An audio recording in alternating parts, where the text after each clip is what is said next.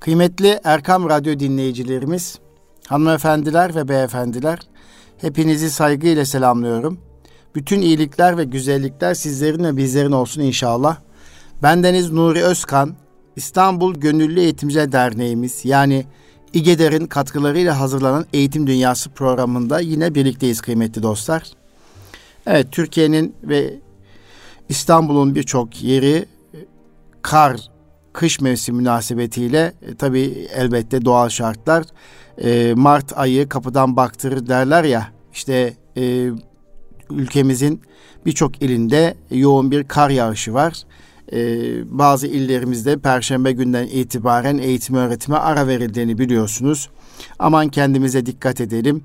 Hem soğukta kalmış olanları koruyalım, onlara sahip çıkalım hem de e, gereksiz yere dışarıya çıkmayalım diye anonslamak istiyorum. E, tabii kar bereket demektir. Kar aynı zamanda yeraltı suların en önemli kaynağıdır. Barajlarımızın dolması demektir.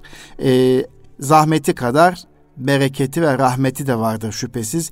Cenab-ı Hak e, hepimize sağlık, sıhhat, afiyet versin kıymetli dostlar. Evet İstanbul'dan bütün Türkiye'ye seslenirken İstanbul'da da yoğun kar yağışı devam ediyor. Perşembe günden bu tarafa e, İstanbul Valiliği yoğun bir şekilde tedbirleri alıyor. E, Büyükşehir Belediyesi, AFAD ve ile birlikte yoğun bir mücadele devam ediyor. Her tarafta gerekli tedbirler bu sefer alınmış. Böyle bakmak istiyorum, böyle görmek istiyorum. Ee, böyle de sokaklara çıktığım zaman işte radyoya gelirken giderken de gördüğüm manzara bu. Ee, ana caddelerin çoğunlukla açık olduğunu görmüş olmak mutluluk verici. Yani Ocak ayında yaşadığımız kar esaretini İstanbul şu anda yaşamıyor desek yerinde olur. Tabii hava soğuk mu? Soğuk. Bu soğukluk içerisinde mağduriyeti olan birçok insanlarımız olabilir mi? Kesinlikle olabilir. Ee, bu noktada belediyeler de, valilikler de gerekli tedbirleri aldıklarını söylüyorlar. Ama en çok mağduriyeti şu anda Ukrayna yaşıyor. Malum bize göre daha kuzeyde olan bir memleket Ukrayna.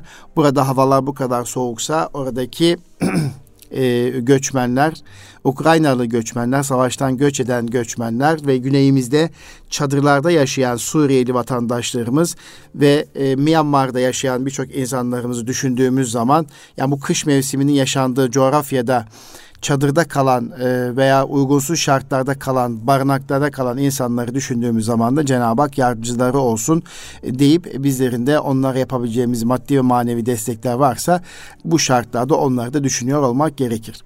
Efendim, kıymetli Erkam Radyo dinleyicilerimiz, e, bu hafta Eğitim Dünyası programında e, neyi konuşacağım derseniz eğitimle ilgili e, biliyorsunuz Milli Eğitim Bakanlığı son zamanlarda odağına eğitimde kaliteyi aldı, okulları aldı ve okul iklimini güçlendirmek için e, bir taraftan öğrenci, öğretmen ve okul yöneticiler yönelik eğitim ve destekleme faaliyetlerine ağırlık veriyor ve okulların eğitim ortamlarını zenginleştirmek için çaba sarf ediyor.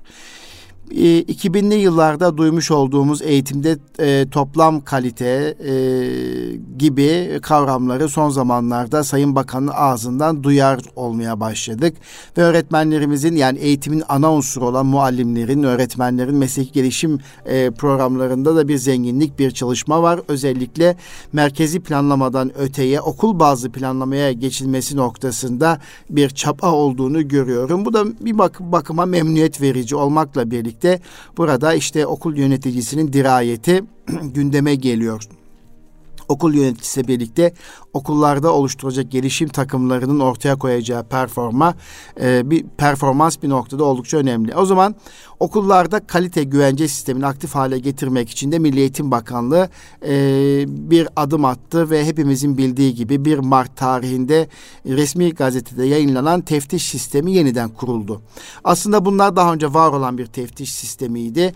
E, belli bir dönem yaklaşık benim bildiğim 7-8 senedir okullarda e, teftiş sadece inceleme ve soruşturmadan ibaret e, oldu. Milli eğitim sistemi içerisinde daha çok inceleme ve soruşturma amaçlı teftişler yapılırken değerlendirme ve geliştirme amaçlı, rehberlik amaçlı teftiş sistemi e, bir noktada uzun süredir uygulanmıyor idi.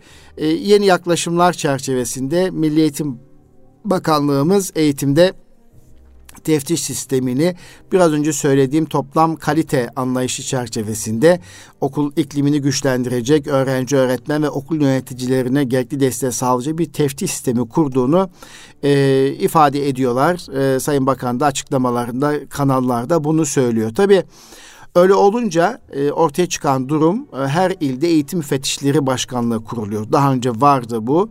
E, inceleme soruşturma e, ayağında oluşan bu teftiş e, başkanlığı e, artık yeni sistemde rehberlik, denetleme, izleme, değerlendirme fonksiyonlarının da dahil edilerek bir eğitim müfettişleri başkanlığı kuruluyor.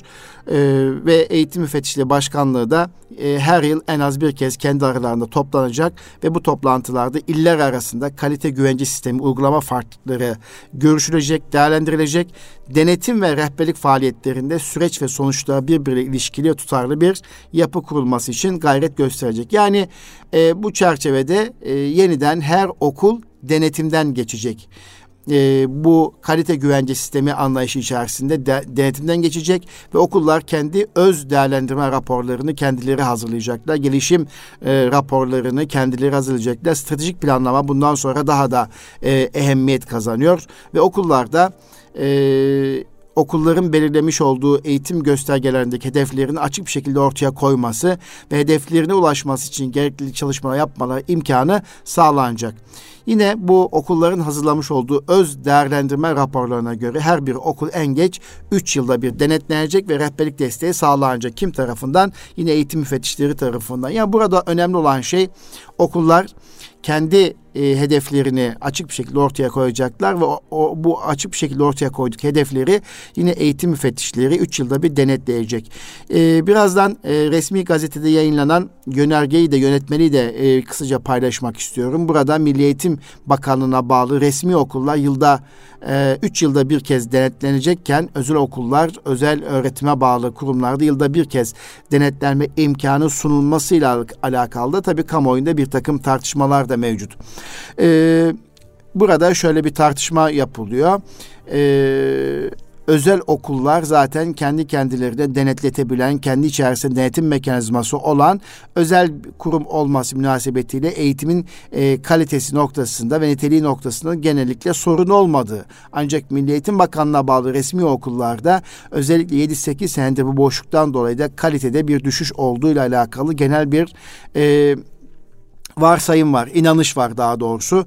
Bu inanış çerçevesinde resmi okullar her yıl denetimden geçmesi gerekirken özel okulların iki veya üç yılda ve belki dört yılda bir Milli Eğitim Bakanlığı tarafından Milli Eğitim Bakanlığı'nın belirlemiş olduğu standartlar çerçevesinde denetlenmiş olmasının daha güzel olacağıyla ilgili e, bir paylaşım olmakla birlikte e, bir özel okulcu olarak, bir eğitim yöneticisi olarak eğer e, yönetmelikte belirtilen esas usuller çerçevesinde okullar, özel okullar her yıl bu göstergelere, hedeflere, amaçlarına ulaşıp ulaşmadığı noktasında bir denetim olacaksa böyle bir denetimden de özel okulların kaç düşünmek yanlış olur. Yani bizim burada ifade ettiğimiz resmi okullarda e, 7-8 senedir denetim yapılmadığı için, rehberlik faaliyeti yapılmadığı için e, kalitenin her geçen gün düştüğü bir ortamda e, denetim sıklığı bakımından bir tartışmaya katkı sunmak açısından bu konuyu gündeme getirdik. Yoksa özel öğretim kurumları her zaman denetime açık bir eğitim kurumlarıdır. Zaten kendi içerisinde bağımsız denetçileri vardır özel okulların. Onlar da kurumlarının denetletmesini yaparlar. Yani devletin bu anlamda buraya ayıracağı zamanı resmi okullara ayırması noktasında bir e, kanaatimizi paylaşmış olduk. Evet tabi bu öz değerlendirme raporlarının ön değerlendirmesi e, e, teftiş kurulu başkanlığı tarafından yapılacak ve aciliyetine göre de bazı okulların tabi yılda bir kez denetim yapılması noktasında bir esneklik söz konusu. O zaman illerde e, eğitime yönelik izleme ve değerlendirme e, birimi oluşturulacak ve izleme ve değer, değerlendirme birimleri il çapında e, müfettişlerin vermiş olduğu bu raporlar çerçevesinde yapılacak ve gelişime e, ihtiyaç duyulan okullar bu anlamda e, gelişmeye gelişme tabi tutulacak, rehberlik yapılacak. İşte e, kalite e, yönetimi sistemi yani eğitimde kalite e, anlayışı çerçevesinde, kalite güvence sistemi anlayışı çerçevesinde oluşturulan e, Milli Eğitim Bakanlığı Eğitim Müfettişleri Yönetmeliği e, 1 Mart 2022 tarihinde resmi gazetede yayınlanmış bulunuyor kıymetli Erkam Radyo dinleyicilerimiz. Bu e, yönetmelik e, neyi kapsıyor? E, kuruluş amacı e, okumak istiyorum? Bu yönetmeliğin amacı eğitim müfettişleri başkanlıklarının kuruluş ve görevleriyle eğitim müfettişleri başkanı ve eğitim müfettişleri başkan yardımcılarının görevlendirmelerini görev yetki ve sorumluluklarını, çalışma usul ve esaslarını e, belirliyor ve bu yönetmelik e, Devlet Memurları Kanunu 72. maddesi ve bir sayı Cumhurbaşkanı Teşkilat hakkındaki Cumhurbaşkanlığı kararnamesi esas bir şekilde hazırlanmış. Bu yönetmelikte tabii e, ben daha çok tanımlar kısmından öteye yönetmeliğin e, eğitim sistemine katacağı katkıyı sunmak açısından e, o, o kısmı okumak istiyorum. Özellikle e, rehber eğitim müfettişi e, diye bir tabir var orada. E, rehber eğitim müfettişi sorumlu olduğu eğitim müfettiş yardımcısına müfettişlik mesleğinin gerektirdiği nitelikleri kazandırmak amacıyla 3 yıllık eğitim sürecinde refakat edecek görevli eğitim müfettişi diye bir tabir var. Burada aslında şöyle bakıyorum. Rehber eğitim müfettişi e, diye bir tabir e, eğitim müfettiş yardımcısı yardımcı olacak e, bir alt birim oluşturulmuş. Rehberlik ve denetim e, grubu oluşturulmuş. Sınav kurulu, sözlü sınav komisyonu e, gibi bir takım e, kurullar oluşturulmuş. E, burada görev tanımları yapılmış. E, yarışma sınavına ilişkin hukumla hükümler e, oluşturulmuş. Yazılı sınav, sözlü sınav vesaire e, eğitim müfettiş yardımcılığı atama ve yetiştirilme, eğitim müfettiş yardımcılığının iyileştirilmesi, geliştirilmesi gibi bir takım hususiyetler ortaya çıkmış. Ve 8 yıl süreyle görev yapanların yer değiştirmeleriyle alakalı olarak bir e, başlık açılmış. Burada da 1 Eylül tarihi itibariyle bulundukları ilde kesintisiz 8 yıl süreyle görev yapan eğitim müfettişlerin görev yerleri bulundukları ilin dahil olduğu hizmet bölgesindeki duyurusu yapılan diğer illerden birine ya da istemeler halinde bulundukları hizmet bölgesi dışındaki duyurusu yapılan diğer hizmet bölgelerine atamasıyla alakalı usul ve esaslar belirlenmiş e, Eğitim Müfettiş Başkanlığı'nın kuruluşu ve görevleri e, belirlenmiş. E, böyle e, grup başkanlarının görev tanımları yapılmış. Görevlendirme emri, eğitim müfettişi güvencesi ve görevden alınma ve benzeri uzun bir yönetmelik ortaya çıkmış kıymetli e, Erkam Radyo dinleyicilerimiz.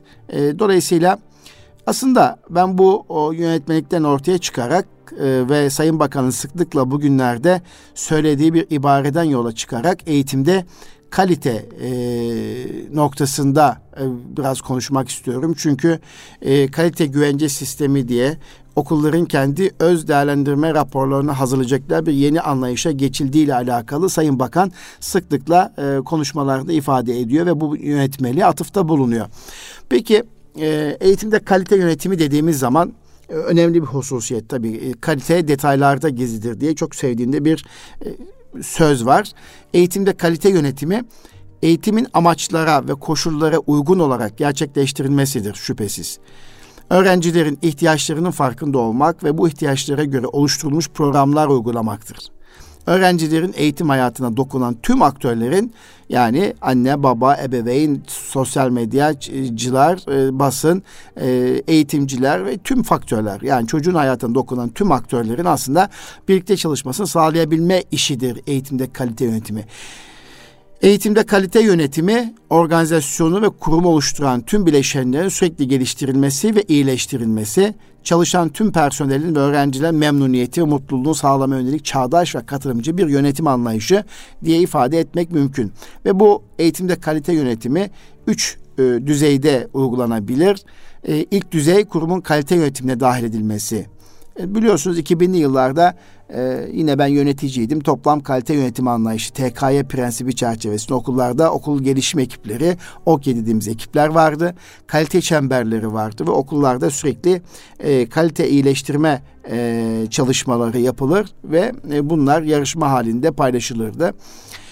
E, bu o, çerçevede hepimizin öğrendiği bir tabir vardı. PUKO yani planla, uygula, kontrol et, önlem al dediğimiz döngüyü hepimiz bu süreç içerisinde duyduk. Eğitimde aslında bir planlama gerektirir. Planlanan bir şeyin programın uygulama ıı, aşaması, uygulamada kontrol, gözlem aşaması ve sonra önlem alıp tekrar eğitimde yeniden planlama yapmaya devam etmek gibi. Aynı şekilde e, bu öğretmen gelişimi için, personel geliştirilmesi için ve eğitimin geliştirilmesi için bütün bu PUKO döngüsü kullanılma imkanı var. O zaman Eğitimde kalite yönetiminin ilk e, düzeyi kurumun kalite yönetimine dahil edilmesi, planlama, personel geliştirilmesi ve eğitimlerden oluşmaktadır ilk dönem. İlk e, düzey. İkinci düzey e, bu kalite yönetiminin öğrencilere açıklanması. Öğrenciler eğitim sisteminin tam merkezinde yer alır tabii. Hepimiz biliyoruz bunu. Ee, öğretmenden sonra, yöneticiden sonra asli unsur öğrencilerdir ve eğitim sisteminin tam merkezinde yer alır. Yönetici öğretmenlerin en önemli rolü öğrencilerin öğrenme süreçlerini değerlendirilme ve geliştirilmesine aktif olarak katılımını sağlamaktır. Üçüncü düzey ise öğrenmenin gerçekleşmesidir. Kaliteyi oluşturan tüm faktörlerin sınıf içi ve dışı uygulamalara yansıtılmasıdır. Bu sayede öğrencilerin tecrübeleri, beklentileri öğretmenlerin yenilikçi eğitim anlayışıyla bir, birleşiyor ve her seferinde daha mükemmel programlar oluşturulabiliyor. E, bu eğitim kalite yönetimi e, çerçevesinde. Evet, tabii burada e, bizim bir başka bahsedeceğimiz hususiyette bu eğitimde kaliteyle alakalı daha önceki e, bildiğimiz tecrübelerin bu, bu programda bahsedilmiş olması. Tabi her geçen gün e, dünya farklı noktaya gidiyor. Hızlı bir değişimi yaşıyoruz e, ve eğitimde işin olmazsa olması. E, rekabet, iş ve yönetim anlayışı e, kurumları sürekli mükemmeli aramaya e, yöneltiyor bu yeni anlayış aslında e, çok öncesinden başlayan anlayış hiçbir zaman eksilmedi, artarak devam ediyor. E, kalite yönetimini ve organizasyonlarını buna göre e, oluşturmuş e, kurumlar, teşkilatlar, eğitim kurumları e, sürekli e, ayakta kalabilecek ve nice öğrencileri hayata hazırlayabilecek ve toplam kalite yönetimi anlayışını belirlemiş e, ok, e, kurumlar, örgütler her zaman başarıda ön planda olacaklar. Başarıya götüren şeyin kalite olduğunu zaten hepimiz biliyoruz. Herkes biliyor. Başarıya götüren şey e, kalite ve kalite de detaylarda gizlidir. Kalite yakalayabilmek için kurumda çalışan herkesin kaliteyi düşünmesi gerekir. Kalite ürün yani eğitimde e, öğrencinin girişinden tutun öğrencinin çıkışına kadar ki bütün süreçleri kapsar ve bütün süreçler eksiksiz bir şekilde gözden geçirilmelidir. Daha e, doğrusu bizim çıktığımız eğitimin çıktısı öğrencinin sahip olduğu donanımdır. Ee, diğer fabrikasyonlardan farklı olarak bizim çıktığımız insandır. İnsani özelliklerdir, değerlerdir. Ee, toplumumuzun eğitim kalitesine e, ve eğitim politikalarının ortaya çıkardığı insan kalitesine baktığımız zaman da eğitimimizle ilgili sorunların olduğu açıktır. Çünkü e, çıktı dediğimiz e, okullardan, ilkokul, ortaokul, liseden mezun olup hayata atılan çocuklarımızın e, dayanıklıklarına baktığımızda, hayat performanslarına, başarılarına baktığımızda, toplumumuza kattığı değere baktığımızda bir yerlerde sorun olduğu aşikar. Onun için eğitimde sorunlarımız var diyoruz. Ancak bu sorunlar e, nasıl çözülür? E, nokta atışı nasıl yapılır? İşte belki e, son zamanlarda Sayın Bakan'ın ifade ettiği e, eğitimde kalite güvence sistemi e, diye sıklıkla ifade ettiği tabirin üzerine odaklanarak e, her bir okulun kendi e, kalite sistemini çıkartacak olması, kendi yerel şartları içerisinde hedefler koyması, bu hedeflere gerçekleşip gerçekleşmediği ile alakalı bir e, değerlendirmeye tabi tutması. Buna da Sayın Bakan, e, Milli Eğitim Bakanı öz değerlendirme diyor. E tabi bir eğitim kurumu olarak bazı esasları çok önemsememiz gerekiyor. Mesela velilerin e, eğitim ve kamuoyunun istek ve beklentilerini çok iyi biliyor olmamız gerekiyor. Eğitimde velilerimiz neleri bekliyor, kamuoyu neleri bekliyor. Bu beklentileri analiz etmek gerekiyor. Yine e, bu beklentilere cevap verecek güçlü bir iradenin yönetici kadrosunun olması gerekiyor. Bu beklentileri analiz edecek ve bu beklentileri karşılama noktasında bakanlıktan tutun bakanlık biriminden tutun okul yönetimindeki üst düzey yöneticilere kadar bu beklentilere modellik yapılacak, yapacak yöneticilerin varlığı oldukça önemli. Ee, diğer bir şey o, okullarda personel, öğretmen ve yöneticinin sürekli e, gelişim ve yenileşme imkanını sağlayacak bir sistemin düzenli bir şekilde kuruluyor olması gerekir. Yani ben bu işi en iyi yapıyorum e, değil, herkesin eksik yapabildiği kısımlar olduğu bilinerek yani e, öğretmenin, personelin e, sürekli eğitim alınması, onlara eğitim ihtiyaçlarının hissettirilmesi, gelişime tabi tutulması ve okulda hızlı bir yenileşmenin ortaya çıkması. Sürekli gelişim ve ilerleme sistematik bir şekilde kurumların içerisinde, okulların içerisinde var olması gerekiyor. Buna biz yenileşme süreci diyoruz. Ve e, insan odaklı yönetim anlayışı oldukça önemli. Tabii e, okullarda biraz önce ifade ettiğimiz gibi öğretmen, muallim, ana unsur, e, personel bunlar, bunların hepsi e, eğitimin merkezi olan öğrencinin hayata en güzel bir şekilde hazırlanabilmesi için çaba sarf eden gruplardır. Bunun dışında çocukların anneleri, babaları ve e, sokak, çevre, sosyal medya unsurları, basın, medya ve benzeri bütün bunların hepsini dikkate aldığımızda bu değişen faktörler çerçevesinde eğitim kurumları e, kaliteli iş üretmek zorunda. Çünkü eğitimin doğası gereği verimlilik unsurlarını e, mal üreten örgütler kadar açıklıkla ortaya koymak her zaman mümkün değil. Bunu biliyoruz, bunun farkındayız. Yani bir insan e, eğitimi söz konusu olduğu için diğer e, mal üreten fabrikalara, teşkilatlara baktığımızda e, ortaya net bir şekilde koyamayacağımızı biliyoruz. Bununla birlikte bizler elimizdeki çıktıya bakarak öğrencilerin ihtiyaçlarını karşılayacak bir akademik program en güzel bir şekilde hazırlayabiliyor olmamız gerekiyor. Bundan dolayı da belki okullarda e, program geliştirmeciler koymak gerekir veya merkezi programdan öteye yerel e, ihtiyaçları karşılayacak e, velilerin beklentileri, işte büyük şehirdeki velilerin beklentileri, kırsal kesimdeki velilerin beklentileri, ihtiyaçları ve o yörenin e, ihtiyaçları dikkat alınarak belki biraz daha bölgesel programlamalar yapmak suretiyle e, eğitim programı tasarlamak suretiyle, müfredat tasarımı yapmak suretiyle bu iş aşılabilir mi? Ama tabii sadece programla yetinmiyor. E, o programı uygulayacak öğretmenin kalitesi de oldukça önemli. O programı uygulayacak, sınıfa taşıyacak, sınıfta öğrenciye sunacak eğitmenin kalitesi, eğitimcinin kalitesi e, oldukça önemli. Tabii işin başında da yönetici. Geçtiğimiz haftalarda biliyorsunuz uzun süre 4-5 hafta yöneticilik üzerine konuştuk. Yöneticilerin ne kadar önemli olduğunu, e, eğitimin kalitesini belirleme unsuru bakımından e, işin lokomotifi olduğunu ifade etmiştik yöneticilerin. İşte yöneticiler başta olmak üzere müdür, müdür yardımcıları işte bu kısım yöneticiler kastediyoruz. Ardından kıymetli öğretmenlerimiz ve e, kat personelinden tutun herkesin bu kalite bilinci içerisinde iş görmesi halinde ortaya çok güzel çalışmalar çıkabileceğinin farkındayız. Bir kere okullarda eğitimde toplam kaliteyi konuşurken amaç çok iyi bir şekilde tanımlanmış olması gerekiyor. Her kurumun, her kuruluşun bir vizyon cümlesi, bir amacı şüphesiz var. Her örgütün, her teşkilatın bir amacı var. Ee, teşkilatlarda ve teşkilat mensuplarında e, bütün olarak o amacı gerçekleştirme noktasında çalışma gerçekleştirmeler gerekiyor. Dolayısıyla kurumun içerisinde bulunan e, mensupların, e, personelin, öğretmenin de kurumun amacını çok iyi biliyor. Hedef cümlelerini, vizyon cümlelerini çok iyi biliyor olmaları gerekir.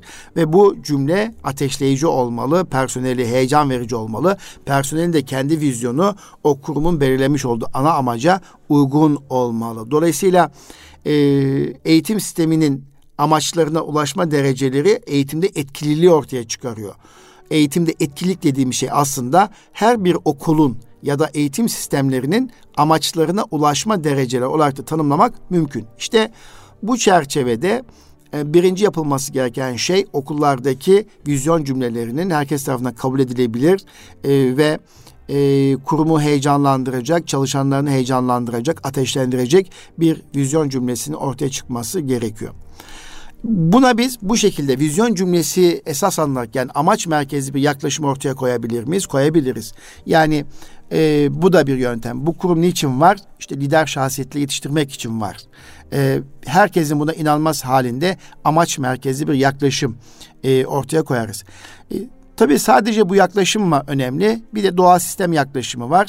Bu yaklaşım da e, amaç merkezli yaklaşımdan farklı olarak farklı istek ve beklentilerin etkileşimi e, sonucu amaçlarının kesin olarak belirlenip tanımlanmasını imkansız kılacak derecede büyük bir karmaşık yapıya sahiptir bu doğa sistemi yaklaşımında ve dolayısıyla e, teşkilatlar öncelikle yeterli kaynak oluşturma, yüksek moral, moral, serbest iletişim, demokratik liderlik ve katılımcı problem çözme yapıları gibi etkenlere bağlı olarak örgütsel sağlığı ve yaşamlarını sürdürmeye yönelik çalışırlar.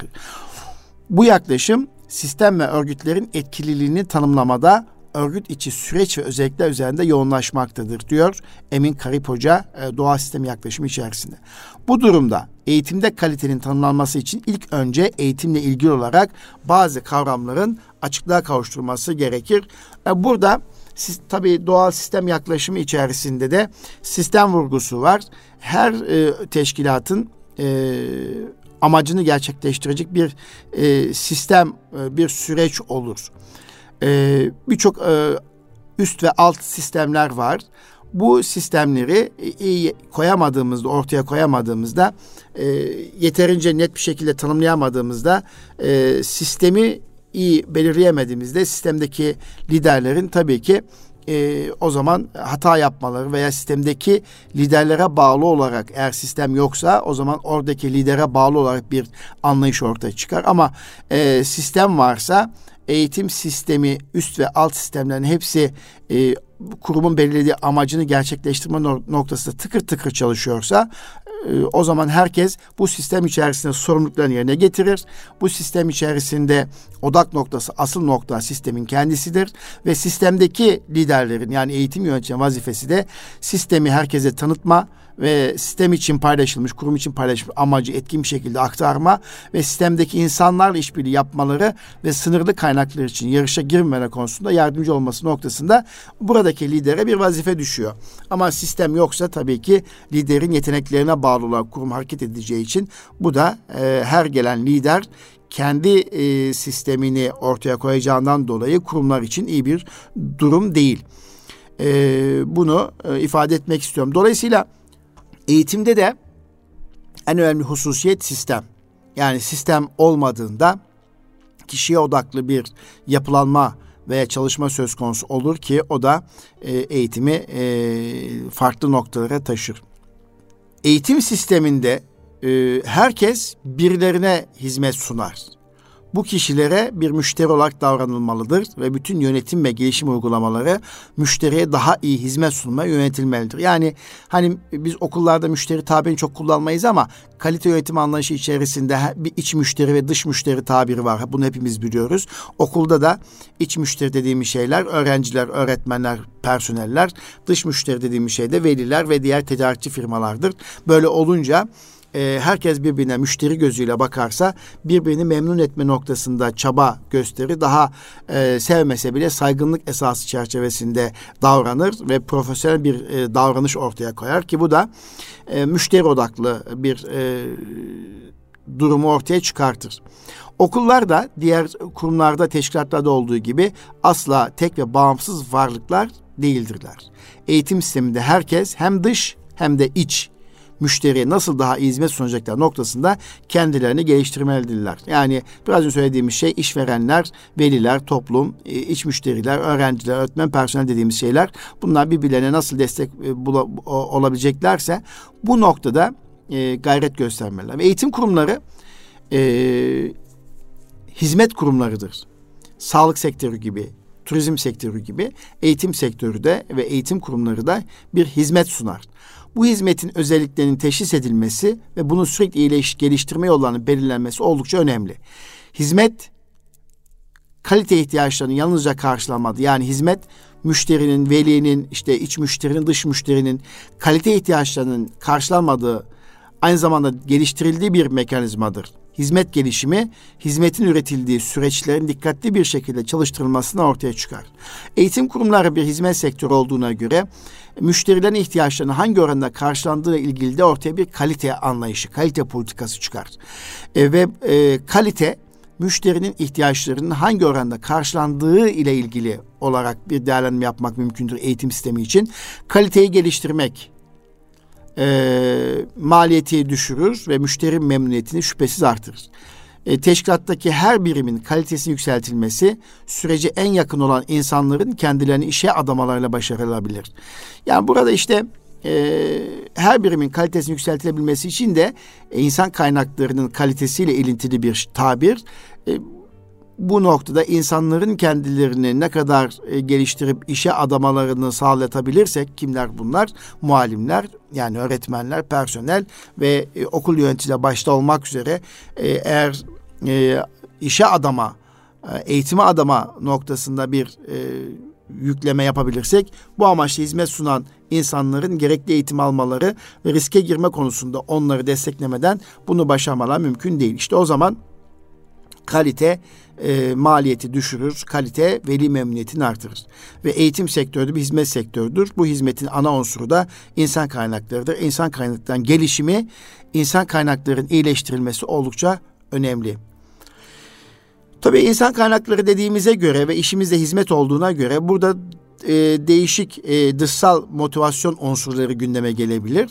İki türlü motivasyon unsurları var. Bir iç motivasyon bir de dışsal motive edici unsurlar. Tabii dışsal motive edici unsurlar dediğim şeyler güç kullanmak, not etmek, ödül vermek, tehdit etmek, ceza gibi bazı dışsal motive ediciler kullanarak performans ölçüleri, kişilerin, insan kaynaklarının performansları artabilir mi? Evet kısmen artırabiliriz. Ancak bu öğrenmeye olan bağlılık ve inanç dışsal faktörler ortadan kalkınca azalacak ya da ortadan kalkacaktır. Yani dış motive edici faktörler ortadan kalktığı zaman e, bu bağlılık okullara bağlılık, kurumlara bağlılık, inanç ortadan kalkacaktır. Aynı şekilde öğrenci için de geçerli. Bir öğretmen öğrencisini sürekli dışsal motive edici unsurlar kullanırsa o motive edici unsurlar, dışsal motive edici unsurlar ortadan kalktığı zaman e, öğrencinin öğrenmesinde azalma olduğunu e, akademik çalışmalar gösteriyor. Bir öğrencinin hayata yönelik eğitime bağlanmasını sağlayabilmek için eğlenceli ve zevkli bir öğrenme gerekir. Evet eğitim eğlenceli olmalıdır kıymetli Erkam Radyo dinleyicilerimiz. Bir öğrencinin hayata yönelik eğitime bağlanmasını sağlayabilmek için eğitim eğlenceli ve zevkli olmalıdır. Öğrenmede zevk ve eğlence olduğu zaman gereken çaba ağır bir iş gibi görünmez. Evet ki e, öğrenmede zevk ve eğlenceyi bir araya getirelim. Bazen bir şeyi iyice öğrenmek için çok sıkı çalışmak gerekir. Buna rağmen öğrenmede zevk ve eğlence olduğu zaman bu durum çok sıkı çalışma ve ağır bir iş gibi görülmez. Hepimiz için geçerli. Yaşımız ne olursa olsun bir şeyi öğrenirken eğleniyorsak, ondan zevk alıyorsak e, vaktin nasıl nasıl geçtiğini bilemeyiz. E, e, öğrenmede e, kalıcılık arttığını hepimiz biliyoruz. Peki olmadığı zaman ne oluyor? E, yine hepimiz biliyoruz. Öğrenmede zevk ve eğlence ol, e, olmadığı zaman da hepimiz yoruluyoruz, sıkılıyoruz, dikkatimiz dağılıyor. Ee, kesinlikle eğitimde zevk ve eğlence olduğu zaman artık e, o yorucu gelmez. Kişinin nasıl vakit geçtiğini bilemez. O zaman eğitim hepimiz için eğlenceli olmalıdır. Belki işin püf noktası burası. Bu anlamda e, kıymetli Erkam Radyo dinleyicilerimiz tabii işin e, ana merkezi öğrenciler demiştik eğitim hizmet sektörü. Öğrenciler eğitimin harcadıkları çabaya e, ve zamana değer olduğu konusunda ikna edildikleri zaman eğitimde yapılan birçok iş daha kolay ve zevkli hale geliyor. İşte burada günümüzde çocuklarımızın e, kitap okumak için, yazmak için e, veya ödev ve sorumluluk getirmek için harcadıkları çaba e, ve zamanın ileride onlara nasıl bir fayda sağlayacakları ilgili bir motivasyonsuzluk var. Böyle olunca çocuklarımızı harekete geçiremiyoruz. Yani hepimizin büyük bir sıkıntısı şu anda. Böyle olunca öğretmen ve öğrenciler, veliler ciddi anlamda zorlanıyorlar. Ee, bu, bu burada şunu söylemek isterim. Hepimiz belki öğretmen ve öğrenciler öğrenme nasıl gerçekleşiyor? Bunu tartışmış olmamız gerekiyor. Bu e, oldukça önemli. Öğrenme nasıl gerçekleşir? E, bunu çocuklarımıza bizim defaatlerce anlat, anlatmış olmamız gerekiyor. Ee, öğrenme nasıl bir olay, nasıl bir durum, nasıl gerçekleşir?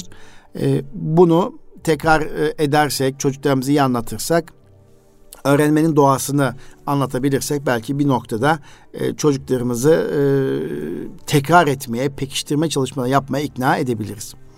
Şimdi eğitimde kalite yönetimi, toplam kalite yönetiminde dokümantasyon oldukça önemli.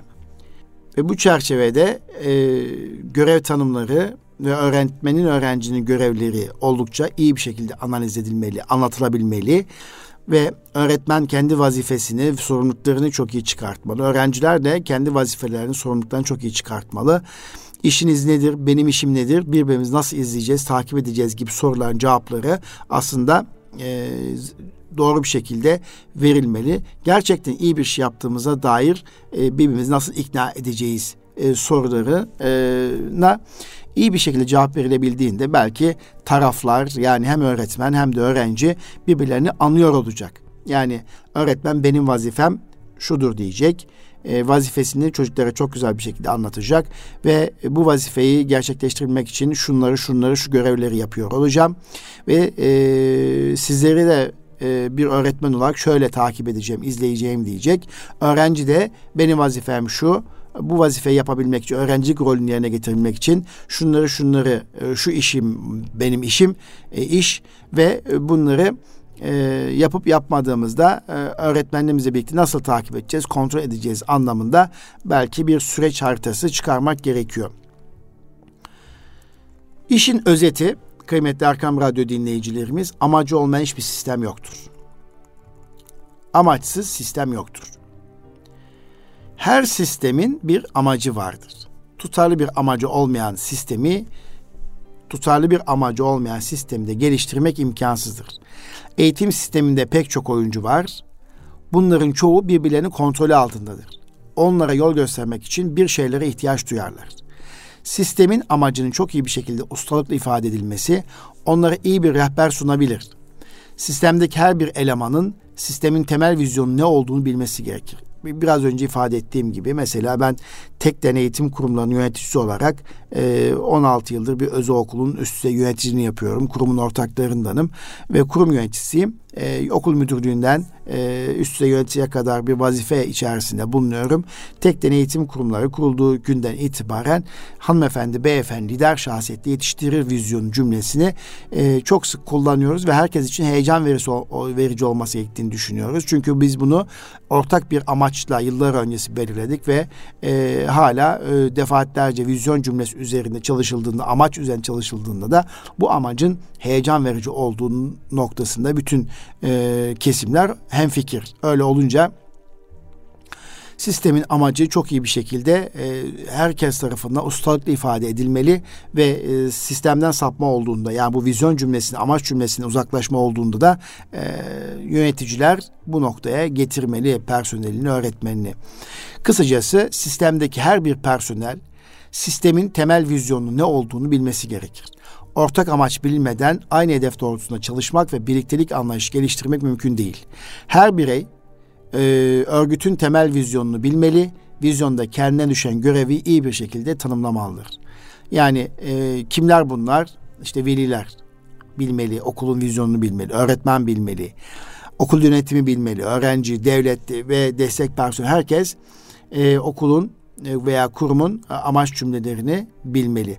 Amacı belli olduğu zaman e, belirlediğimizde herkes bu amacı belli olduğunda herkes aynı yöne doğru hareket eder. Herkes aynı yoldan aynı yöne doğru yürür. o zaman da eğitimde kalite konuşulmaya başlanır. Her okulun amacı her bir öğrenciye dört kategoride geliştirmek için bir fırsat sunmalıdır diyor Tribus ve diyor ki öğrencinin anlaması imkan sağlayan bilgi, yapmasına imkan sağlayan mesleki ve teknik yeterlilik, önceliklerini belirleme sağlayan akıllılık, bilgelik ve idrak, işbirliği yapmasını, azimli olmasını, toplumun diğer üyelerine saygılı olup onlara gömme sağlayan kişilik. Yani her okul öğrenciye bu dört kategoride bir fırsat sunmalı. Bilgisini ve artırmalı yapması imkan sağlayacak mesleki ve teknik yeterlik imkanı sunmalı. Önceliklerin belirleme sağlayacak akıllılık, bilgelik ve idrak geliştirmeli. İşbirliği yapmasını sağlayacak, azimli olmasını ve toplumun diğer üyelerine saygılı olup onlara güvenme sağlayacak bir kişilik ortaya koymalı. Bu dört ögeyi eğitimin içeriği olarak kesinlikle saymamız gerekiyor. Bilgi, mesleki ve teknik yeterlilik, akıllılık, bilgelik ve idrak, işbirliği yapmasını, azimli olmasını ve toplumun diğer üyelerine saygılı olup onlara güvenme sağlayacak kişilik. Yani bu dört şey e, oldukça önemli. Eğitimin temel unsuru. Eğitime yönelik bir yönetim teorisi yalnızca içeriği düşünmemeli, aynı zamanda içerik açısından da gerekli olan sistem, çevre, stil ve süreçlerde düşünmelidir. İçerik okuldan okula, toplumdan topluma değişeceği için eğitime uygulanacak teori içeriği nasıl belirleneceğini de dile getirir. Şimdi bir ürün veya hizmetteki kalite yükseltilmek isteniyorsa ürün veya hizmeti üreten süreçlerdeki kalitenin yükseltilmesi gerekir. E yine toplam kalitenin temel prensiplerden bir tanesi. Bir hizmetin kalitesi yükseltilmek isteniyorsa yani eğitimin kalitesini yükseltmek istiyorsak bu hizmeti üreten süreçlerdeki kalite, başlangıçta kalite çok iyi bir şekilde yük, e, yükseltilmesi gerekiyor. Demink e, biliyorsunuz e, bir işletme e, filozofu, e, düşünürü, yöne, e, aynı zamanda e, bu konuda çok sık adını duyduğumuz bir şahsiyet Demink. E, diyor ki yönetici olmanın zihnimizde canlandırdığı anlamın değişmesini sağlamıştır. Yönetici olmanın zihnimizde canlandırdığı anlamın değişmesini sağlamıştır. Kim? Demink. Yöneticilerin yaptıkları işler konusundaki inanışlar değişmiştir. Yeni görüş yöneticinin işin ne olduğu üzerinde odaklanmaktadır diyor. Ee, böyle bir e, düşünüş ortaya koyuyor. Farklı bakış açısı. Artık diyor ki günümüzde yöneticinin zihninde canlandığı anlam değişime uğramıştır. Artık yeni e, durumda e, yöneticinin işinin ne olduğu üzerinde biraz daha kafa yormak gerekir. Yöneticinin işi sistemin üzerinde çalışmaktır e, yöneticinin işi sistemdeki kişilerle birlikte sistemi sürekli geliştirmektir. Yani daha önce insanlar bir sistemin içinde çalışırlar ve yöneticinin işi de sistemin üzerinde çalışmak. Yöneticinin işi sistemdeki kişilerle birlikte sistemi sürekli iyileştirmektir. Öğretmenin işini de bu ana çerçevede yeniden tanımlamak gerekir diyor Demik. O zaman öğrenciler bir sistem içinde öğrenirler Öğretmenin işi sistemin üzerinde çalışmaktır.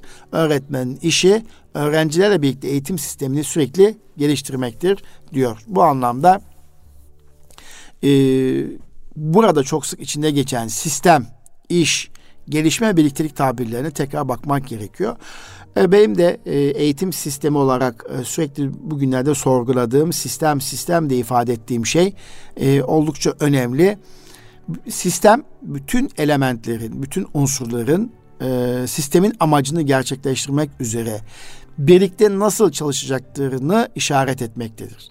Sistemin amacının açık ve herkes tarafından anlaşılır olması önemli bir faktördür. Açık bir amaç olmaksızın mevcut durumda bir sistem değil, yalnızca bir kırtasiyecilik ortaya çıkar. Evet, iş sistemin amacını gerçekleştirmek için insanların üstlenecekleri görevleri gösterir. Görevlerin sistemin amacıyla yönelik olarak tanımlanması ve anlaşılması gerekir. Aksi takdirde insanlar bu görevleri etkili bir biçimde başaramazlar. Gelişme işleri daha iyi ve etkili yapmayı işaret eder. İşleri bu şekilde yapmak yalnızca sistemin amacını anlamak değil, aynı zamanda sistemin çıktılarının kalitesini nasıl değerlendirebilmek anlamına gelir. Bu anlamda gelişme önemli. Birliktelik sistemdeki bütün insanların sistemin amacını, kalitenin göstergelerini ve sisteme ilişkin kendi işlerini anlamaları gerektiğini belirtmektir. Yani burada e, sistem, sisteme dayalı olarak ortaya koyulan eylem yani iş ve bu süreç içerisinde e, gelişme ve birlikte iş görme ve benzeri tanımlar e, yeniden yapılmaya ihtiyaç var. Ve eğitimin en önemli girdisi tabii ki eğitimde etkililiğin göstergeleri e, öğretmen. Öğretmenle ilgili zaten bu e, eğitim dünyası programında bir sürekli öğretmenin kalitesinin e, ve e, nasıl olması gerektiği ve öğretmenin sahip olması gereken özelliklerle ilgili eğitim dünyası programında çok sık konuştuk. İşin aslı eğitimciye düşüyor. Öğretmen yeterli olmalı. E, yetersiz öğretmenler sınıflara sokulmamalı. İşin aslı, özü aslında eğitimde toplam kaliteyi ortaya çıkartacak olan da işin başında öğretmen. Çünkü öğretmen dünyanın en büyük mesuliyetini omuzlarına almış bir şahsiyettir ve ruhlarını sanatkardır dediğimiz bir kişi muallim. İşte e, asli unsur bu. Tabii öğretmenleri yönetecek, organize edecek yöneticilerin de kalitesi ve niteliğiyle ilgili geçtiğimiz haftalarda defaatlerce üzerinde konuştuk. Evet. Kıymetli Erkam Radyo dinleyicilerimiz, hanımefendiler ve beyefendiler, e, Milli Bakanlığımızın kalite yönetim sistemi e, kalite güvence sistemi üzerine e, basında yapmış olduğu konuşmalar üzerine bendeniz de e, bu e, eğitim müfettişleri yönetmeliğinden de yola çıkarak eğitimde toplam kalite yönetimi yıllar önce çok sık adını duyduğumuz eğitimde toplam kalite yönetimi, eğitimde kalite güvence sistemi üzerine e, dilimin döndüğü kadarıyla elimdeki bilgi notlarıyla birlikte sizlerle paylaşmış oldum.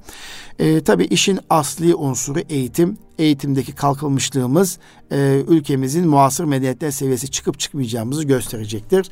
Eğitimde ne kadar fire veriyoruz? İnsanlarımızı, e, gençlerimizi, çocuklarımızı e, zayi ediyor muyuz yoksa topluma katma değere dönüştürebiliyor muyuz? Bunların hepsi bir tartışma konusu. İşte e, yeniden gündeme gelen eğitimde kalite güvence sisteminin hayırlara vesile olmasını diliyorum. Bir dokümantasyondan ibaret olmamasını diliyorum. E, bu e, süreçte Cenab-ı Hak hepimize sağlık, sıhhat, afiyet versin, yardımcımız olsun diyerek efendim bir sonraki Eğitim Dünyası programında buluşmak dileğiyle kalın sağlıcakla Rabbime emanet olunuz.